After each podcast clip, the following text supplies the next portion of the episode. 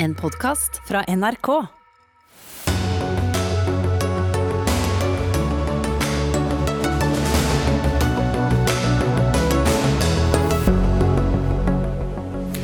Fritt skolevalg, eller burde det hett eh, karakterbasert opptak? Uansett skaper den nye inntaksmodellen til regjeringen debatt. Regjeringen må ikke utvide permitteringsordningen ytterligere, advarer sjeføkonom med bakgrunn fra dagens regjering. Han hevder den kan bli en hvilepute, og som holder folk vekk fra arbeidslivet. Overhodet ikke, svarer LO-sjefen. Heller ikke partilederne på borgerlig side har klart å komme til enighet om forslaget til statsbudsjett for neste år. Frp krever større gjennomslag før de vender tommelen opp. Og kvinner er de store taperne når vi er plassert på hjemmekontor. De klarer ikke la klesvasken stå, bake boller, brette klær eller vaske over gulvet. Eller er det egentlig det det handler om? Ja, Riktig god kveld. Dette er mandagens Dagsnytt 18 med Espen Aas, der vi også skal innom en politisk hodepine, bokstavelig talt. Men først. I går kveld klokken 19.31, altså for nesten et døgn siden, ja, så meldte regjeringen at den vil innføre det den kaller fritt skolevalg i hele landet. Altså at elever kan søke seg til den skolen de helst vil gå på gitt at du har karakterene, da. Og dermed er det også slutt på inntak ut fra hvor du bor eller nærskoleprinsippet. Men vedtaket det er omstridt. Opposisjonen kaller det både meningsløst og virkelighetsfjernt. Og Audun Lysbakken, leder av SV, hvilke konsekvenser mener dere dette får? Det kan få uh, veldig alvorlige konsekvenser på tre måter. Uh, for det første så vil det å tvinge de fylkene som har uh, store byer til å innføre karakterbasert opptak, kunne føre til den typen segregering som du ser veldig godt i Oslo etter alle de årene Høyre og Venstre styrte Oslo-skolen, der du får A- og B-skoler og en veldig uheldig deling av elevene. I distriktene så kan dette føre til nedlegging av distriktsskoler. Og så er det jo en overkjøring av av lokaldemokratiet, en tvangsbruk, som jeg må si jeg, jeg, jeg virkelig stusser over at er det gamle lokaldemokratipartiet Venstre verdig. Og så må jeg si en ting til, og det er hele premisset for diskusjonen. Nå kaller alle dette fritt skolevalg. Det er jo bare tull.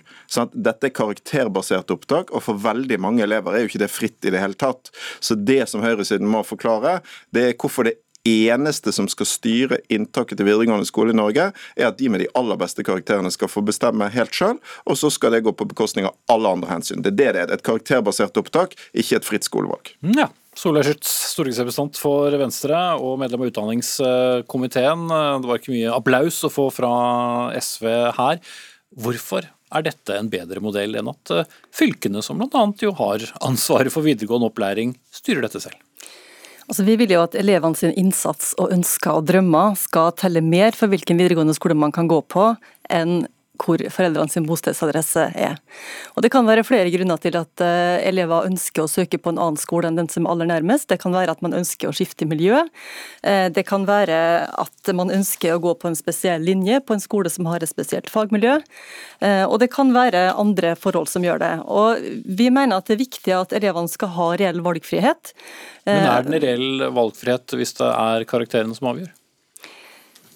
Vi mener at elevenes valgfrihet skal ha mer å si. Og så er Det sånn at det regjeringa foreslår nå, det er jo at eh, vi skal lage en ny modell som gjør at fylkene skal kunne lage et opptakssystem i fylkene som er tilpassa det enkelte fylket. Man skal kunne ha geografiske områder i fylket som er opptaksområde.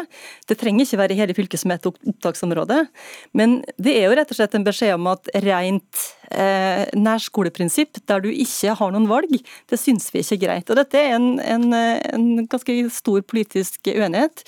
Vi syns altså at det er viktig, viktigere å ha, ha, fokus på elevene sin valgfrihet enn eh, fylkeskommunens valgfrihet til velgermodell. Mm. Men igjen, siden du bare gjentok det du selv sa, det er da først og fremst karakteren som avgjør hvor stor valgfrihet du har? Det er, det er et ja-nei-spørsmål. Karakterer skal ha noe å si, for det innsats skal ha noe å si. Elevene sin innsats og håp og drømmer skal ha noe å si. Og Det må være også andre ting enn foreldrene sitt valg av bosted som har noe å si. For Hvis man har et, et ren nærskoleprinsipp, slik at det er foreldres bosted som bestemmer, så betyr det at elevene ikke har mulighet til å gjøre andre valg for sin utdannelse, og det syns vi ikke er riktig. Mm. Ja, Lysbakken, det er vel ikke bare fordeler med at nettopp der du bor, så kan du kun gå på den skolen? Nei, Jeg sier ikke at det er sånn det skal være i alle fylker heller. Jeg, jeg sier at man må skjønne at Norge er forskjellig, og så må en kunne lage lokalt tilpassede systemer. og Det er jo det som er så meningsløst med det Venstre holder på med her, at de skal tre én modell ned over Oslo og Finnmark og Vestland og alle de forskjellige fylkene våre som har helt ulike utfordringer, istedenfor å åpne opp for sånn som det er i dag, og ha en rekke rekke ulike modeller med ulike kombinasjoner, tilpasset ulike hensyn.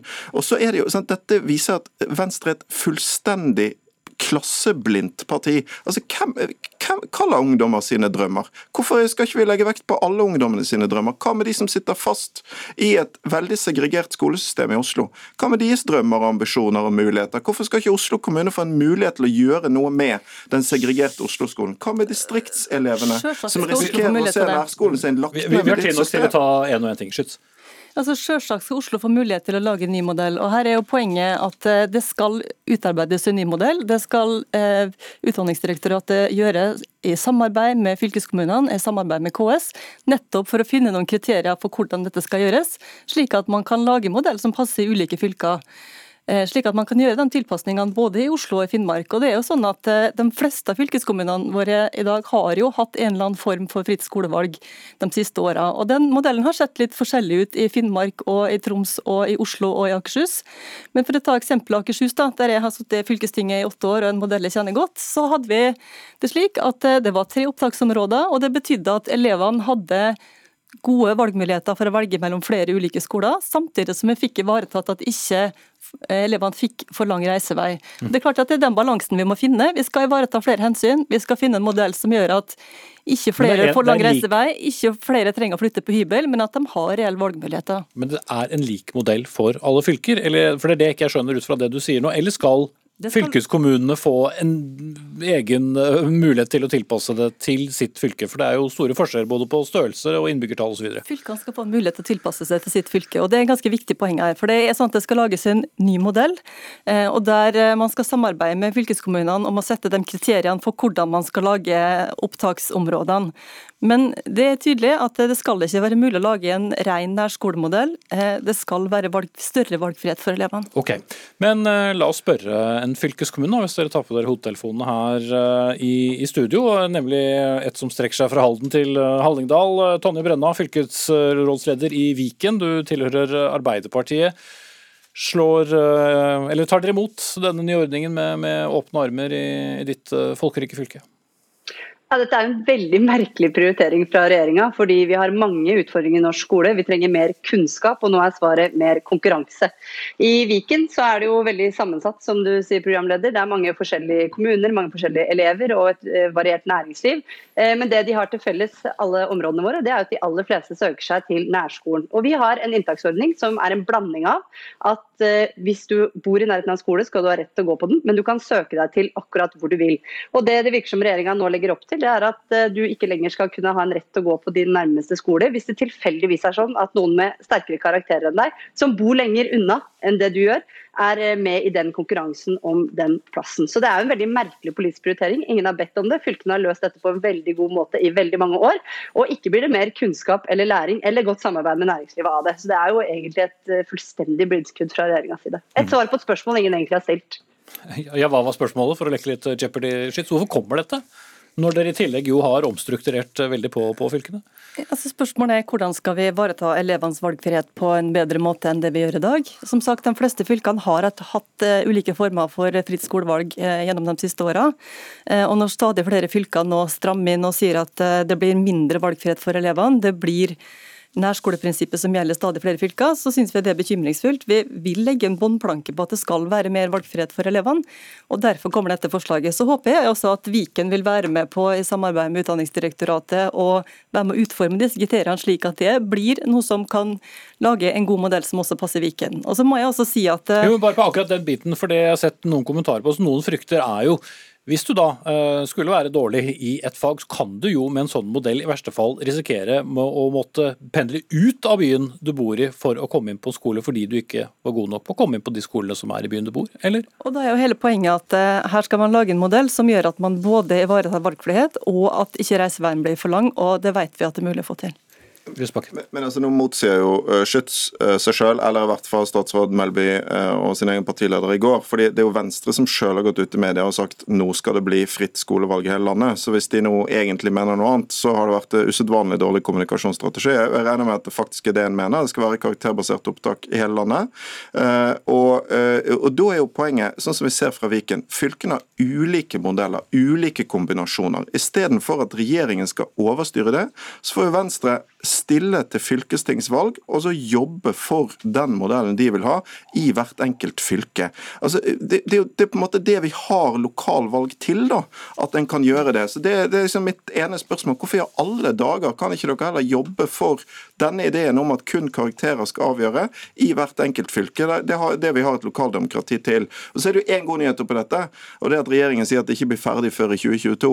Og Det betyr at jeg kan jo love her og nå, for dette har vi alle rød-grønne partier med oss på, at vinner vi valget neste år, skal vi skrote dette. Og så skal vi ha frihet rundt om i landet til at fylkene kan lage et system som er tilpasset ungdommen og skolene i sitt eget fylke. Det er forskjellige modeller, eh, og noen har jo hatt eh, fritt eh, skolevalg eller karakterbasert opptak, alt etter hva man kaller det. Astrid Sandsrud, du er forsker ved Nordisk institutt for studier av innovasjon, forskning og utdanning, som vi herfra kaller NIFU. Og du har gått gjennom den forskningen som vi har på denne modellen.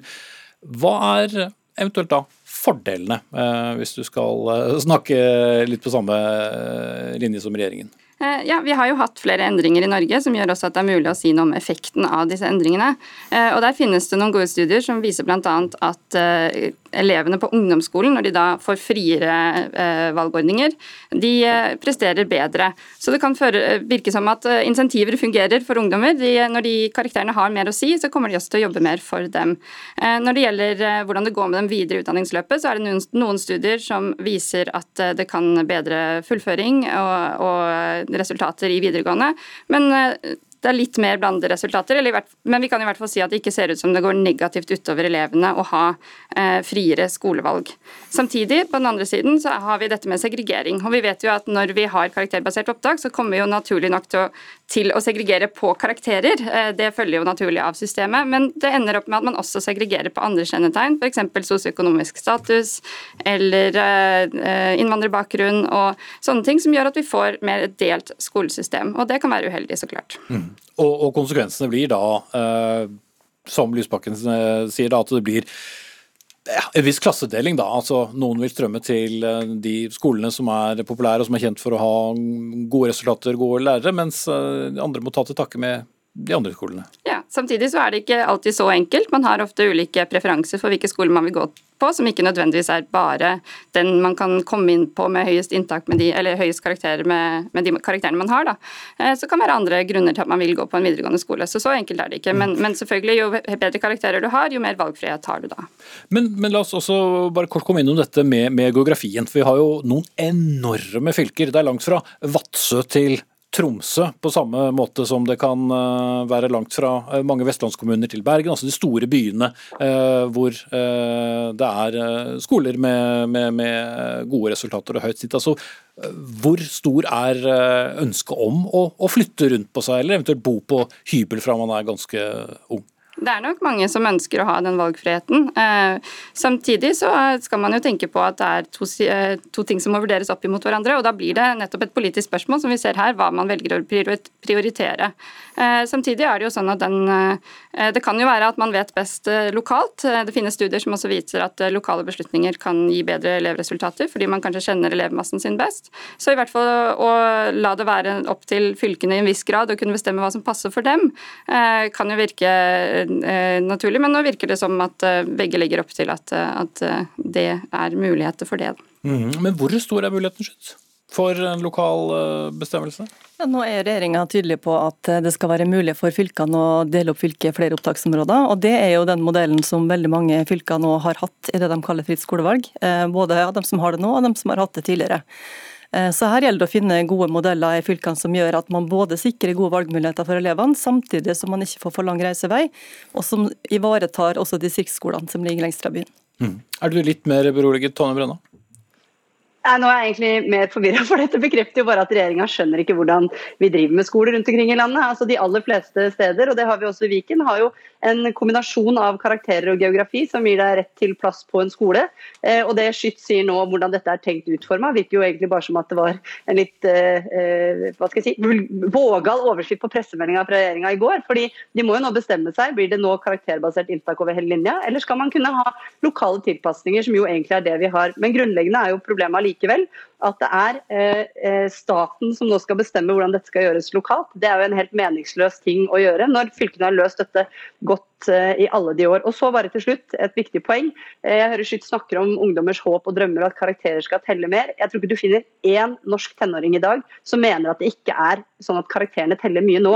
Så det er et spørsmål om hva vi prioriterer i skolepolitikken. Skal vi sørge for mer kunnskap, at flere lærer mer, flere kommer seg gjennom, får læreplass og grunnlag for å ta høyere utdanning hvis de ønsker det? Eller skal vi bruke kreftene våre på sånne teoretiske, ideologiske eh, overskrifter på pressemeldinger og løsninger som ingen egentlig har bedt om. Det viktigste må jo være at elevene våre lærer best mulig, og at vi som skoleeiere kan tilpasse systemet og inntaket etter det, sånn at vi sørger for å få gode elever som også har en plass på en eh, arbeidsplass og en tilknytning til næringslivet når de okay. kommer ut. Gode elever er jeg sikker på alle er eh, opptatt av, men veien ditt ser ut til å være noe forskjellig. Jeg setter strek der. Takk til Solveig Schytz fra Venstre og utdanningskomiteen på Stortinget. Stortinget. Astrid Sandsør, forsker ved NIFU. Tonje Brenna, fylkesrådsleder i Viken fra Arbeiderpartiet. Og SV-leder Audun Lysbakken.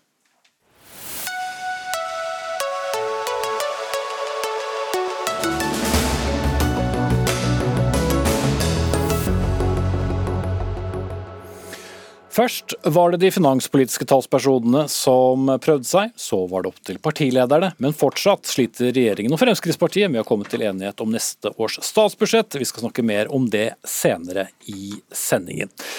Men nå. Regjeringen advares mot å utvide permitteringsordningen ytterligere, etter at den ble utvidet fra 26 til 52 uker for drøye tre uker siden. Men eh, denne utvidelsen er en farlig utvidelse, ifølge deg, Tore Vamrok, sjeføkonom i Kona, en interesse- og arbeidsgiverorganisasjon for økonomer. Og vi får jo legge til at du også har flere år bak deg som statssekretær for Høyre i Finansdepartementet. Men hva er det som er farlig med å ha et sikkerhetsnett for dem som mister jobben og eventuelt faller utenfor arbeidslivet lenge? Det aller viktigste er at folk har en jobb å gå til. og eh, Permitteringsreglene skal nettopp være et sikkerhetsnett og ikke en eh, hvilepute.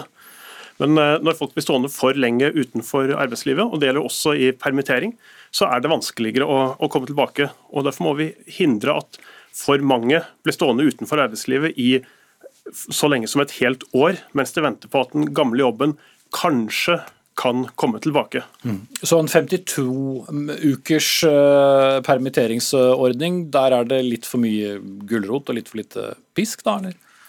Ja, Hvis man blir uh, sittende passiv i 52 uker, så har man et stort handikap når den permitteringsperioden er over. Dersom ikke jobben man har, har vært permittert fra, kommer tilbake. Og da, da vil det være en farlig hvilepute hvis man da ikke har Eh, sett seg om etter andre jobber og, og forberedt seg på den situasjonen som kan komme etter permitteringsperioden. Men i det resonnementet ditt eh, så ligger vel under at eh, da folk vil heller velge å fortsatt ikke jobbe enn å jobbe? Jeg tror vi alle av og til trenger et lite spark eller et lite insentiv til å, å gjøre det som er riktig. Og eh, I dette tilfellet så mener jeg at det riktige er å eh, heve blikket, se seg om kreativt etter alternative muligheter. Både i form av jobb i en annen bransje, kanskje, dersom den bransjen man selv jobber i er hardt rammet, eller Eh, muligheter i form av eh, etter- og videreutdanning eller omskolering. Mm. Jeg vet at du ikke er enig i dette, Hans Christian Gabrielsen, for eh, du var jo blant de som presset på å få til en, en 52-ukers permitteringsordning. Men hva svarer du til Konas bekymring her om at det blir en hvilepute, og at folk ikke kommer seg ut i jobb igjen? Det å være permittert er altså ikke noe ferie.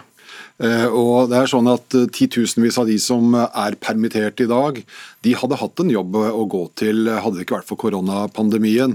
Eh, og Det er heller ikke sånn at eh, det oppstår nye jobber ved et trylleslag dersom man bare gjør det mer vanskelig å være permittert. Hovedproblemet nå er jo nettopp det at folk er permittert fra en jobb enten fordi de er stengt ned av smittehensyn, eller som en følgekonsekvens eh, av dette. Så, så det å eh, bruke dagens situasjon og, og, bruke karakteristikker som hvilepute, det må jeg si jeg reagerer veldig kraftig på. Eh, hadde det ikke vært for at vi i fellesskap med de øvrige organisasjonene i arbeidslivet klarte å få 52 uker på plass, eh, så viser de beregningene vi har foretatt at vi hadde hatt så mye som 46 000 flere ledige eh, ved fjerde kvartal neste år. 39 000 eh, ledige, flere ledige i 2021. Og Det sier meg at politikken er viktig, og den politikken er riktig. Vi har eh, unngått eh, å ha enda flere utenfor jobb ved å øke permitteringsperioden. Eh, men det kom selvfølgelig enda seinere enn det vi hadde ønsket. Vi tror nok at flere har mista jobben som følge av at det tok for lang tid.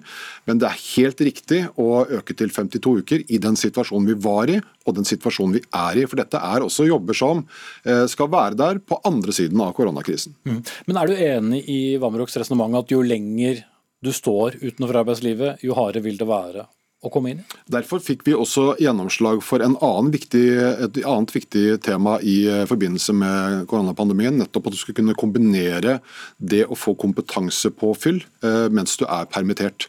Eh, det er veldig viktig. Vi er enige om at kompetanse er, er viktig. Det at man står rusta til å ta på seg nye oppgaver, andre oppgaver. Eh, så den kombinasjonen der, veldig viktig at vi klarte å få det på plass. Eh, men det ene utelukker ikke det andre. Eh, så det er viktig nå å gi trygghet, og det har vært vårt utgangspunkt fra dag én. Å gi arbeidstakere trygghet både for arbeid og inntekt, og permitteringsregelverket er viktig i så måte. Mm. Men intervjuet med deg i Dagens Næringsliv i dag, Tor så virker det som det kan bli litt for trygt? Ja, eh, Det kan bli for eh, trygt på den måten at man, eh, man i hvert fall, eller en falsk trygghet som gjør at, at, man tror at jobben kommer tilbake. Og, og Det er litt det jeg hører også fra LO-lederen, som, som, sier at jobbene er der på andre siden av pandemien. Og så kan man spørre seg om er, er jobbene i de særlig utsatte bransjene, som f.eks. reiseliv, er de tilbake den 12. mars 2021, når det har gått 52 uker og permitteringsperioden da er over?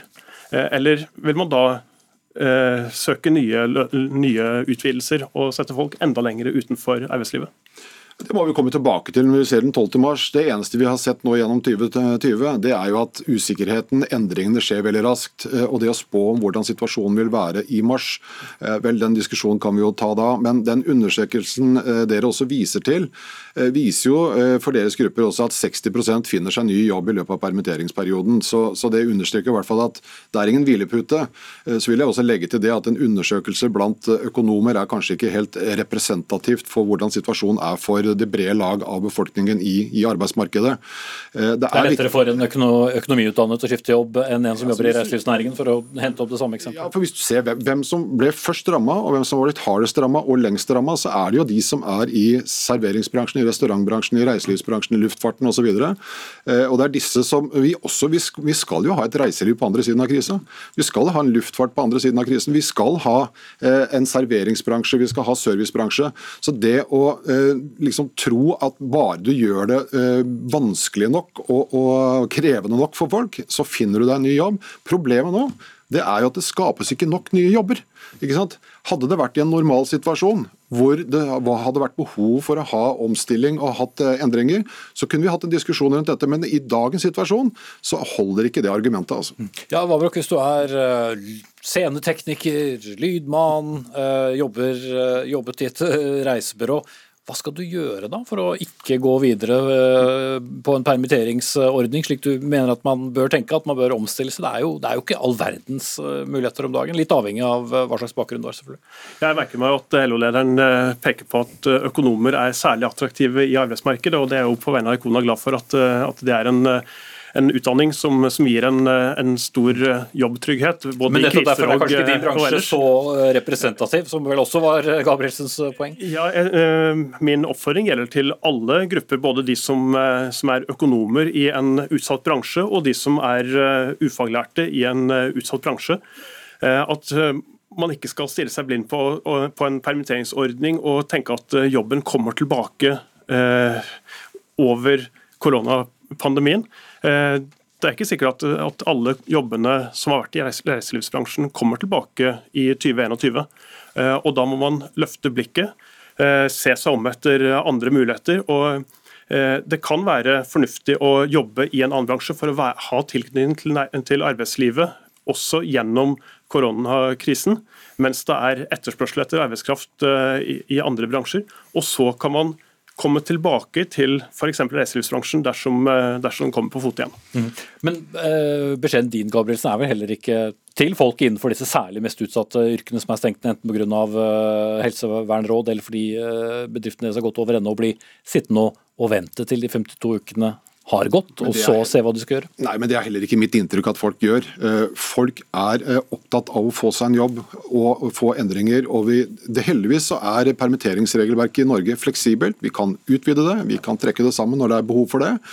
Og det er sånn eh, i f.eks. med hovedavtalen mellom L og NHO at har du vært permittert i uh, mer enn tre måneder, så altså, har du heller ingen oppsigelsesfrist. Så fleksibiliteten ligger der. Vi vet at folk er på, men vi må også sørge for at man får kompetanse, aktivitet som man kan kombinere dette med. Men hovedutfordringen nå består i at det ikke er jobber for veldig mange, og da må vi ha dette permitteringsregelverket intakt så lenge vi har en koronakrise. Og, og, og jeg er veldig enig i at vi, vi, vi ønsker å ha mest mulig aktivitet i permitteringsperioden. Og, det er helt enig med LO om at eh, det er viktig og riktig å utdanne seg mens man er permittert. og Det var bra at man fikk på plass den eh, løsningen fra regjeringens side. Men eh, det er altså slik at det skapes for få jobber, og noe av forklaringen er nettopp at krisetiltakene i en tidlig fase fra regjeringen var nettopp å, å belønne det å være uten aktivitet, i stedet for å belønne bedriftene og arbeidstakerne for å være i så mye aktivitet som det var smittevernmessig forsvarlig å være. Og Det var jo også et forslag fra vår side, nettopp å gi bedriftene støtte til å ta permitterte raskere inn igjen. Eh, det er en ordning som jeg syns eh, kanskje enda flere burde benytte seg av. for Det er en god ordning. Da belønner du aktivitet. belønner Du tar ned terskelen og risikoen for å ta folk tilbake i aktivitet. Eh, og Det er en ordning som vi også selvfølgelig støtter fullt opp. Nå fremover. nikket dere såpass til hverandre at jeg tenker det passer å sette strek der. Takk skal dere ha, Hans Christian Gabrielsen, leder av LO, og Tore Vamrok, sjeføkonom i Ekona.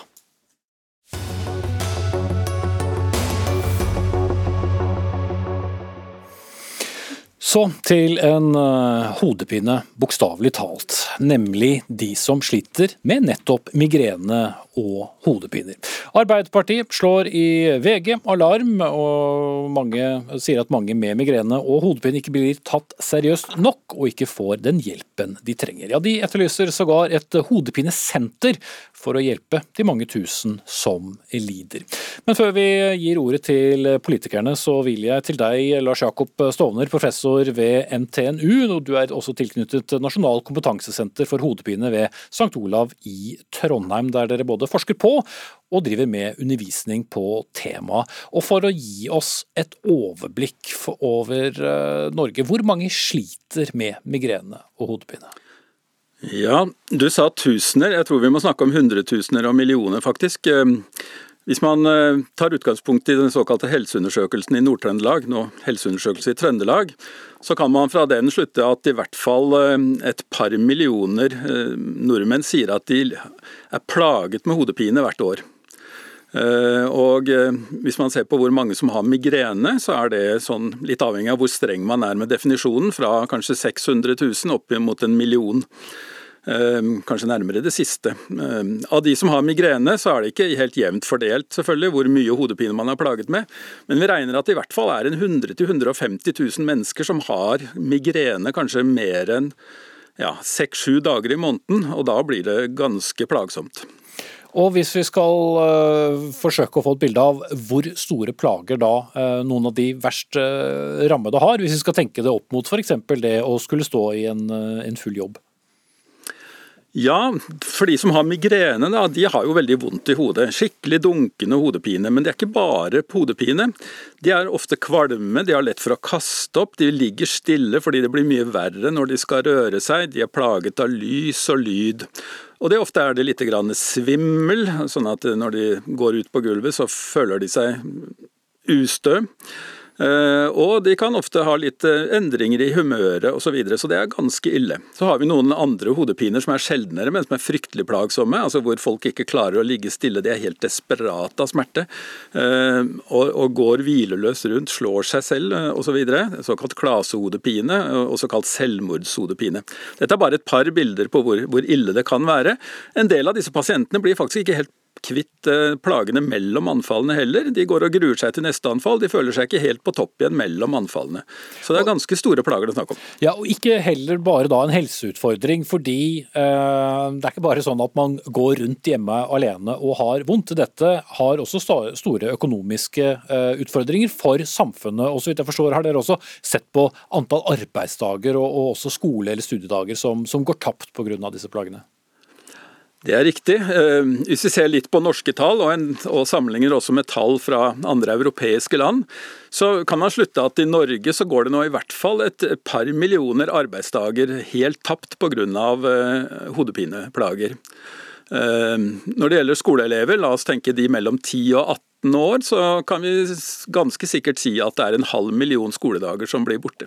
I tillegg så er det jo da mange som er på jobb eller på skolen, men med en del hodepine, og som da fungerer dårligere. Ikke får med seg så mye av det som blir undervist, eller får gjort så mye som de hadde tenkt. To millioner arbeidsdager og en halv million skoledager. Stortingsrepresentant for Arbeiderpartiet, Tuva Moflag, du sitter i, helsekomiteen uh, på Stortinget. Og dere vil da ha et hodepinesenter. Uh, hva skal det løse som ikke vi løser i dag? Nei, Det er jo, som vi får høre her, veldig mye vi ikke løser i dag. Mange hundre tusen pasienter som sliter med hodepine helt eller delvis. Eh, det er en betydelig produktivitetsutfordring for landet vårt med alle disse dagene som folk ikke får, får vært på jobben, og ikke minst all den smerten det er forbundet med. Et hodepinesenter tenker vi skal være spydspissen i det tilbudet som vi kan gi til pasienter som er plaga med migrene og hodepine. Mm, men er det et sentralisert tilbud som skal ligge ligge et eller annet sted i enten er i hovedstaden eller et annet sted i landet som da folk med plagg må, må, reise til, eller hvordan skal dette utformes? Ja, Vi ser for oss at et hodepinesenter etter modell av Danmark, som, som vi jo har pekt på fra helsekomiteen sin side, at det kan være et senter som gir et tilbud til de aller sykeste pasientene. Men jeg må få understreke at vi kan ikke bare ha den spydspissen. Vi hørte hvor mange pasienter dette er snakk om. Det er snakk om en million mennesker som sliter med, med hodepine helt eller, eller vel, altså delvis eller veldig, veldig uh, ofte. Uh, og de trenger også at vi øker kompetansen hos fastlegene, hos helsesykepleier, de som er i nærheten av elevene som sliter med det på, på, skolen, kanskje bedriftshelsetjenesten. Så dette er virkelig noe som vi må løfte opp på agendaen. Og jeg har lyst til å si til hodepinepasientene, nå er det deres tur. Mm.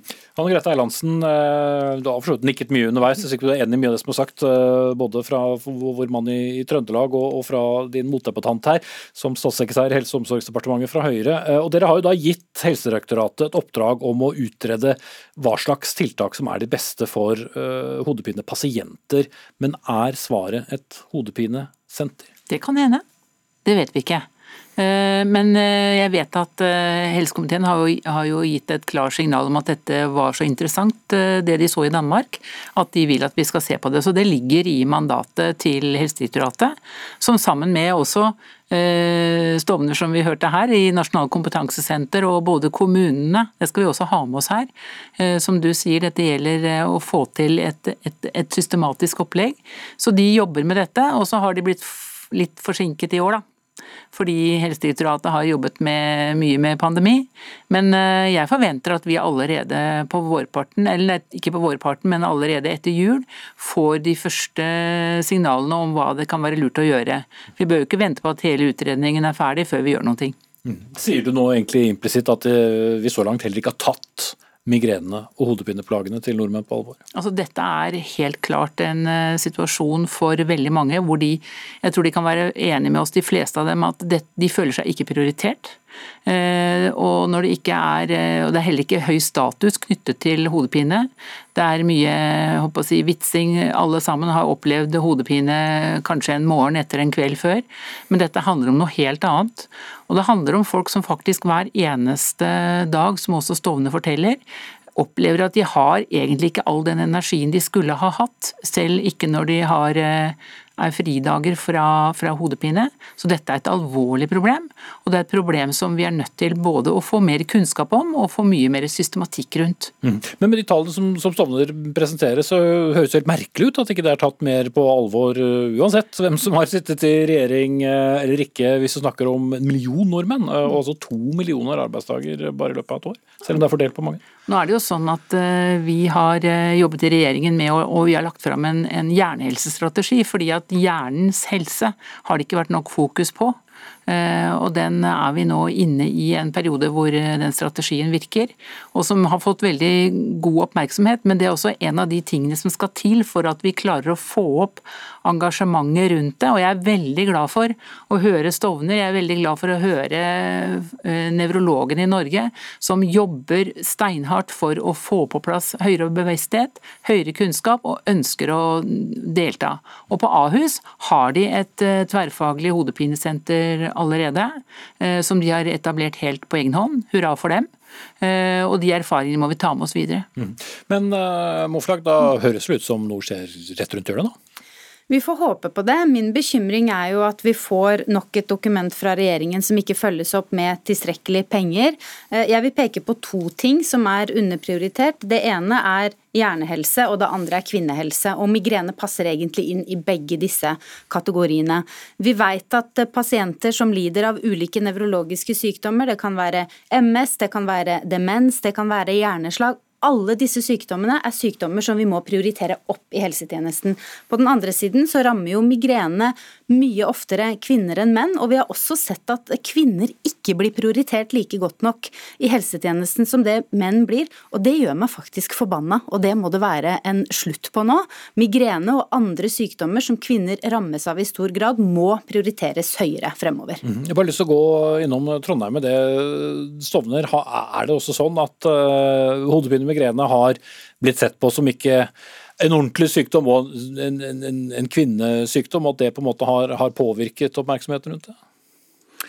Ja, det tror jeg absolutt. At det er en, eh, ikke vært sett på som en ordentlig sykdom er helt sikkert, og det har lav prestisje blant alle leger, og også nevrologer eh, har hatt det. Så det er takket være en del arbeid som har vært gjort internasjonalt med å synliggjøre hvor store sykdomsbyrden er ved migrene og hodepine, at det nå er kommet i fokus. Det er jeg ganske sikker på. Også for å synliggjøre de økonomiske konsekvensene. Ja. ja. Eh, men da må vi på en måte få opp denne statusen òg, da, Erlandsen, på den ene eller andre måten? Mm, vi må det, og det kommer en NOU om eh, kvinnehelse som eh, mm. vi En utredning, for dere som lurte på NOU var? Ja, og, og det er for så vidt én side, men vi skal ikke vente på den for å gjøre noe for hodepine.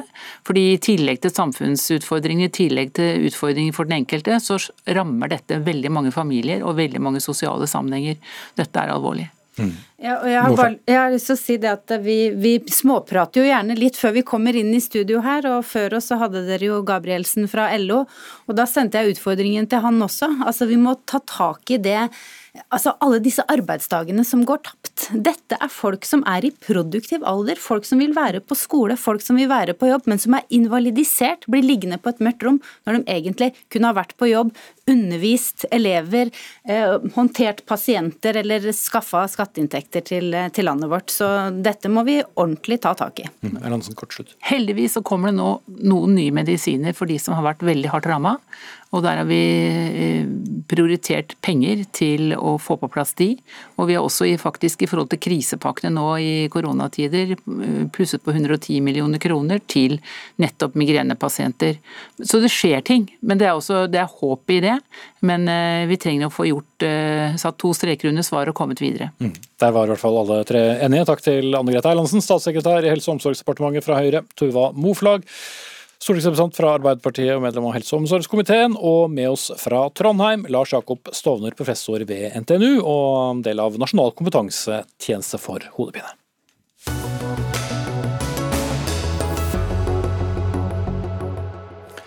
Halvannen måned er gått siden regjeringen la frem sitt forslag til statsbudsjett for neste år, men noen enighet rundt det hele er det fortsatt ikke. I formiddag eh, kalte Frp-leder Siv Jensen inn pressen for å si at det hele er vanskelig, og at situasjonen er fastlåst. Til tross for at nettopp partilederne ble bedt om å overta forhandlingene i helgen.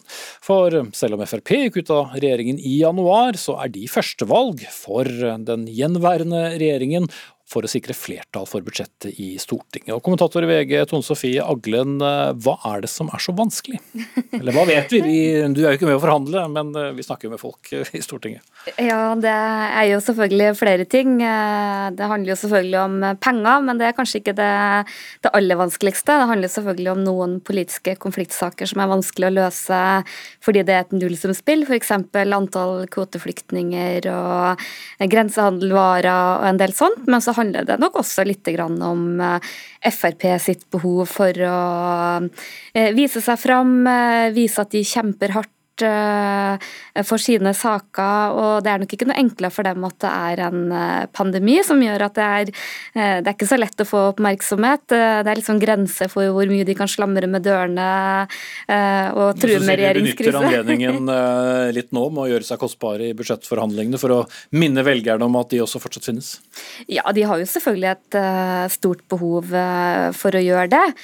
Og de er jo også ganske flinke til å få oppmerksomhet. Vi har pressekonferanse pressekonferanser akkurat når det er Dagsrevy for å fortelle landets pensjonister at de kjemper for dem. Eh, men samtidig så er det nok også en del reell frustrasjon med at eh, regjeringa kommer dem for lite i møte, og at de bruker penger på sine saker, men eh, ikke nødvendigvis på det Frp ønsker å diskutere. Mm. Politisk kommentator i NRK, Magnus Takam. Dette er jo også det første statsbudsjettet nå på mange år hvor Fremskrittspartiet da ikke lenger er en del av regjeringen. I hvor stor grad tror du Siv Jensen og hennes partifeller forsøker å utnytte det, fordi nå er det dem de er avhengig av for å, få det gjennom? Jeg tror eh, Frp prøver å utnytte alle muligheter til å få den oppmerksomheten dere snakker om. og Bakteppet for dem er rett og slett altså det som styrer FrPs håndtering nå og de neste månedene, er å prøve å få større vekt i valgkampen, få større oppslutning. De har hvis vi ser det fra de gikk ut av regjering i januar, ikke greid å få, uh, få, økt oppslutning. og Det var jo nettopp den slitasjen som var en viktig, viktig årsak til at de i sin tid gikk ut.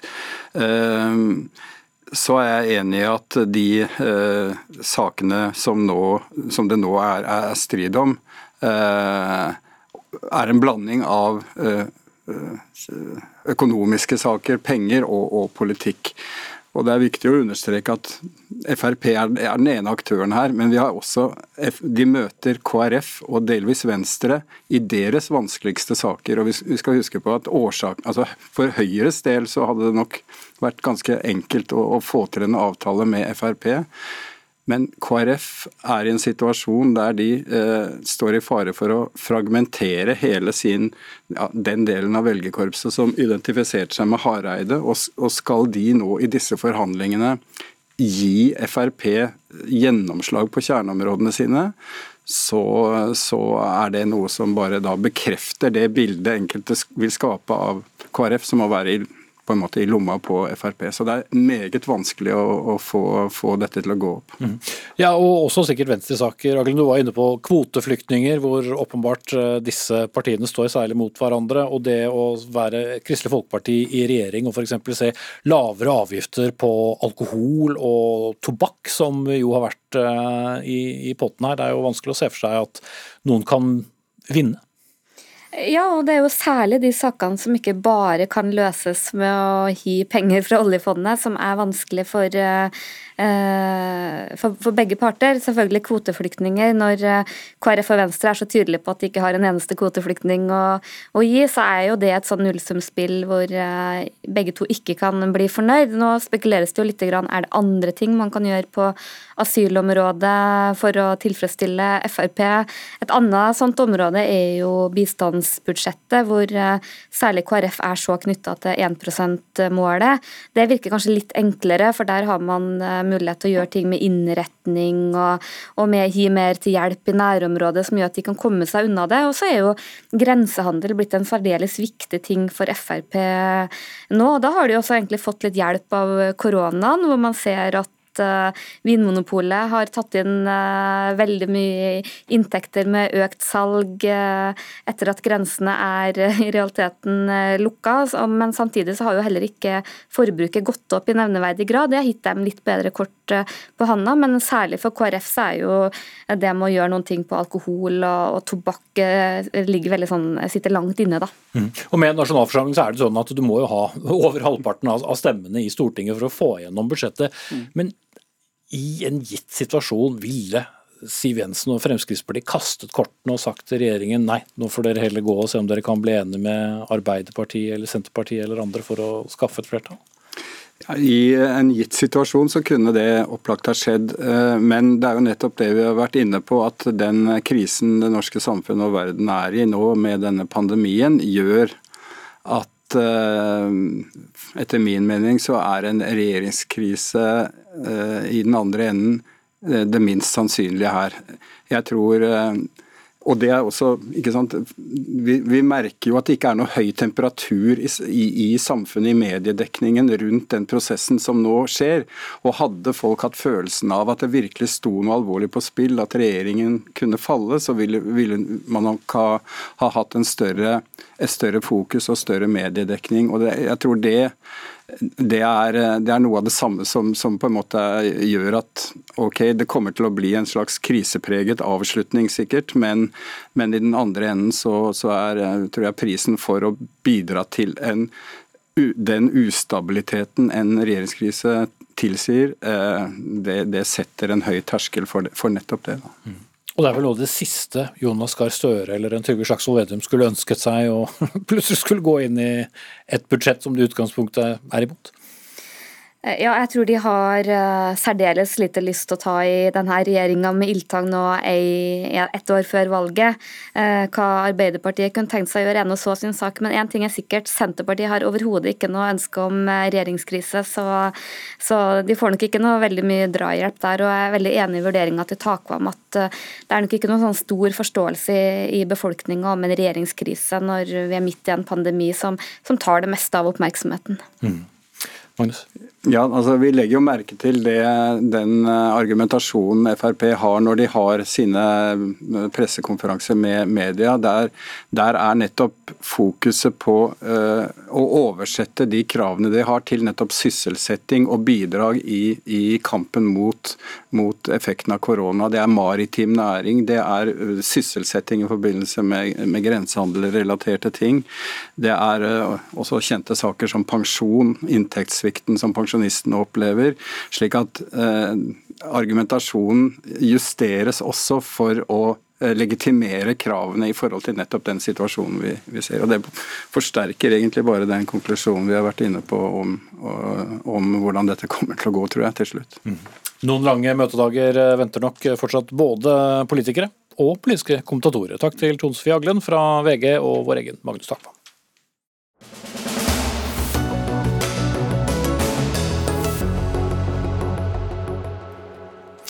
Mange kvinner som er på hjemmekontor, gjør også mer husarbeid, viser flere undersøkelser, noe som også fort kan være til hinder for karriereutvikling. Men hvem er det egentlig som har ansvar eh, dersom eh, kvinner ikke klarer å legge fra seg huslige sysler ved siden av all den andre jobbingen? Eva Grinde, kommentator i Dagens Næringsliv, i en kronikk i egen avis så skriver du at eh, det er ikke lett å gråte med når mødre fremstilles som hjemmekontorets store tapere. Hvorfor er du så kynisk? Eh, så kynisk. Nei, det, det, som jeg reagerer litt på, det er vel at eh, kvinner fremstiller som om de nærmest ikke har noe valg. Eh, som om eh, hvis de på en måte er mer hjemme, så skriker eh, huslige sysler så hardt på dem at de greier ikke å la være. Og jeg tenker at uh, altså Kort fortalt så er det jo den enkelte arbeidstagers ansvar å få gjort jobben sin, enten man er nødt til å være på hjemmekontor eller uh, på vanlig kontor. Sånn at jeg syns ikke det er et sånt hva skal vi si, arbeidsgivers eller sosialt samfunnsansvar å passe på at kvinnene ikke liksom faller hen til bollebaking, fordi det liksom ligger deres, inni genene deres. Uh, ja. Ja, så De har et ansvar der selv, uh, å si enten ikke for å pirke, men jeg har faktisk en åtte timers arbeidsdag, og det er det jeg skal gjøre, og så får vi se hvem som ja. tar og rydder i sokkeskuffen eller tømmer eh, For eksempel, eh, de har som alle andre et ansvar for å prøve å få gjort jobben sin innenfor de rammene som de har. Og så er det selvfølgelig også en arbeidsgivers ansvar å, å passe på at deres arbeidstakere har en eh, grei arbeidssituasjon. Og det gjelder jo både menn og kvinner. Mm. Men Cecilie Flattum, leder for konsulting i Deloitte Norge, i en annen kronikk i Dagens Næringsliv så skriver du at kvinnene får se å komme seg tilbake på kontoret, nettopp med tanke på deres egen karriere. Er du litt mer bekymret? Bekymret for kvinnens stilling hjemme? Ja, jeg tenker at eh, Nå er vi jo ni måneder inn i denne pandemien her i Norge, og vi vet at eh, konsekvensene av eh, kriser sjelden er kjønnsnøytrale. Um, og jeg skjønner, jeg tenker at jo selvfølgelig har kvinnen selv en del av dette ansvaret, men vi ser nå ganske mange undersøkelser uh, som ikke gir noe sånn to strek under svaret, men at her er det en del uh, ting vi skal være bekymret for i forhold til om man føler at arbeidsmengden totalt sett har blitt så stor, og man betviler om man på en måte skal gå karriereveien eller ikke. Så det som jeg kanskje mest har tatt opp da som leder og arbeidsgiver, er jo hvordan kan vi uh, få tatt denne diskusjonen, fasilitert at man tar denne diskusjonen ved kjøkkenbordet rundt hvordan vi gjør det her eh, hjemme. Samtidig som da også eh, man må være tett på både alle kvinner og menn i disse tider. For det er jo eh, en fare for at man kan bli litt utbrent i disse tider når man sitter på Teams-møter døgnet rundt. Jo, men, men det letteste er da at kvinner som i dag arbeider hjemmefra, at de skal raskest mulig tilbake på kontoret. De bør tilbake på kontoret da enn en, uh, ektefellene, altså mennene i husstanden. Ja. Eh, det som vi skrev i kronikken var vel ikke at kvinnene skulle raskest mulig tilbake på kontoret, men det å ha tydelige retningslinjer i forhold til eh, hvordan de få kontorplassene skal brukes, at det er eh, viktig. Og det at man kan ha utfordringer med å få gjort jobben hjemme. fordi Vi ser jo også undersøkelser som viser at og det kan være ulike grunner at kvinner gjør litt mer husarbeid i disse, disse, dager. Så det at man ikke får gjort jobben hjemme, kan være en grunn til det. At man skal litt raskere tilbake på kontoret. Mm. Hanne Bysjøm, likestillings- og diskrimineringsombud. Jeg har hørt dette mange ganger gjennom eh, de mange månedene som er bak oss, men eh, er du bekymret for kvinnene, og, og hva som eh, måtte være ekstra belastning ved å jobbe hjemmefra? Jeg må si at jeg, jeg syns det var noe litt sånn friskt og godt over Eva Grinde sin kronikk. Og det gjorde jeg fordi jeg er litt engstelig for at vi offergjør kvinner på en eller annen måte. Sier at kvinner klarer på en måte ikke å, å sette grenser og gjøre jobben hjemme på samme måte som menn. Og så er jeg enig også i at vi vet jo at kvinner gjør en større del av arbeidet hjemme. Det viser tidsnyttundersøkelser man har. Men det er jo ofte mer sånn generelt husarbeid. Er, det, man skal jo ikke gjøre generelt husarbeid i arbeidstiden sin. Og så er det en helt annen situasjon nå enn det var da barna var hjemme. Altså den perioden da man hadde ansvar for skolebarn og mange hadde barn hjemme. Det er klart at da var det en situasjon som jeg også var veldig bekymret for, i forhold til mine ansatte. Totaliteten ble veldig stor. Men jeg syns det er litt litt bekymret for at vi liksom i likestillingens navn sier at kvinner ikke klarer på en måte den, den, utfordringen. Og jeg eh, vil ikke skrive under på at kvinner er sånn, jeg kjenner meg ikke igjen i det. Og jeg tror de fleste kvinner faktisk klarer å si at jeg har en jobb jeg skal gjøre, og den må jeg gjøre. Og den må jeg gjøre nå hvor jeg har arbeidstiden min. Mm. Men kan det også være Eva Grinde, at uh, vi menn da er mer kyniske og, og sier at uh, det kommer ikke til å bli gjort noe husarbeid her før uh, etter arbeidstid, mens det da kan være kvinner som tenker at vet du hva, jeg klarer faktisk Jeg tror faktisk at uh, må jeg være, innrømme det at jeg tror mange kjenner seg litt igjen i den beskrivelsen der. Det er i hvert fall litt omkvedet at menn i større grad er i stand til å sitte og la liksom, huset ramle ned rundt seg mens de konsentrerer seg på en oppgave, mens eh, kvinner fyker rundt og skal ha, passe på at alt uh, er i orden på alle fronter og at alle har det bra osv. Altså, dette er jo en sånn en kjønnsrolle som en klisjé kanskje litt, men også noe sant i det. Men da er det jo bare å si at det må man rett og slett kjempe imot imot. Eh, og det har jo ingenting med, med, å være en god arbeidstaker å gjøre. Og jeg tror også, som Bjørstrøm sier, at eh, jeg syns også det er litt provoserende å bli puttet i en sånn bås, eh, altså at man skal dele opp sånn etter kjønn. Jeg syns det er kjempeviktig for en arbeidsgiver i denne situasjonen når så mye forandrer seg, at nærmeste leder har et ansvar for å høre med hver enkelt hvordan jobben går, men at ikke, det, at ikke man skal generalisere med å si at kvinner greier seg antagelig litt dårligere enn menn, og vi må få dem fortere tilbake på jobben. Mm, Nei, Jeg tenker jo også at man heller ikke skal generalisere, men det som gjorde meg litt, eh, som fikk opp øynene for dette, for jeg har jo selv to gutter på seks år, var at jeg tror kanskje det er første gang i karrieren at jeg pleier egentlig å være ganske kynisk, følte på at her begynte det liksom å balle seg til, både i forhold til det første skiftet, som var jobbskiftet, som var krevende, og det andre skiftet, som var hjemmearbeidet, og ikke minst ble gjort oppmerksom på at det var et tredje skift som var usynlig, som var familieadministrasjonen. Og da tenkte jeg at eh, som leder så har jeg et eh, ansvar for å i hvert fall sikre at vi har tiltak relatert til hvordan kan man rigge seg hjemme, sånn at man ikke går i den fella som er inne på vaskerommet. At man istandgjør i stand mellomledere til å ta den diskusjonen man kanskje går litt lenger inn i den private sfæren, og også fortsetter med type mentoring og coaching, som man gjør. Eh, og en rekke andre tiltak som går også mot, eh, i forhold til kvinner og menn. For jeg tenker at er, Man kan bare si nei, men bare smelle igjen den døra. og jeg har aldri, jeg bare, Det er veldig lenge siden jeg bakte boller, men vi er veldig, jeg er jo evig med, enig med Grinde i forhold til at det som skjer innenfor de fire vegger er veldig forskjellig. Så man kan stenge døra til vaskerommet, men det er ikke så lett å smelle døra i fjeset på to seksåringer. Mm. Da blir man påvirket av det. Men det er vel da likevel, uansett hvordan vi vrir og vender på det, Bjørsø, noen underliggende strukturer her, selv om vi har jo hatt utarbeidende kvinner i så mange tiår at det er jo få arbeidstagere, i hvert fall uh, opptil 50 år, som ikke er vant til at uh, det er kvinner og menn i arbeidslivet. Men det er kanskje ikke like godt fordelt hjemme likevel? Ja, men så definitivt. Dette er jo det jeg jobber med hver eneste dag. og Derfor er jeg også for at man skal ha mye, altså fedrene skal ha mye større andel også av foreldrepermisjonen. For det handler jo om å få fedrene inn nettopp i disse syslene så tidlig som mulig.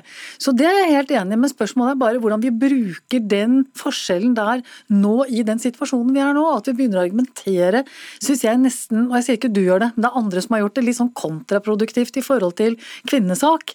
Ved å sette kvinner liksom i en bås at sånn og sånn er de.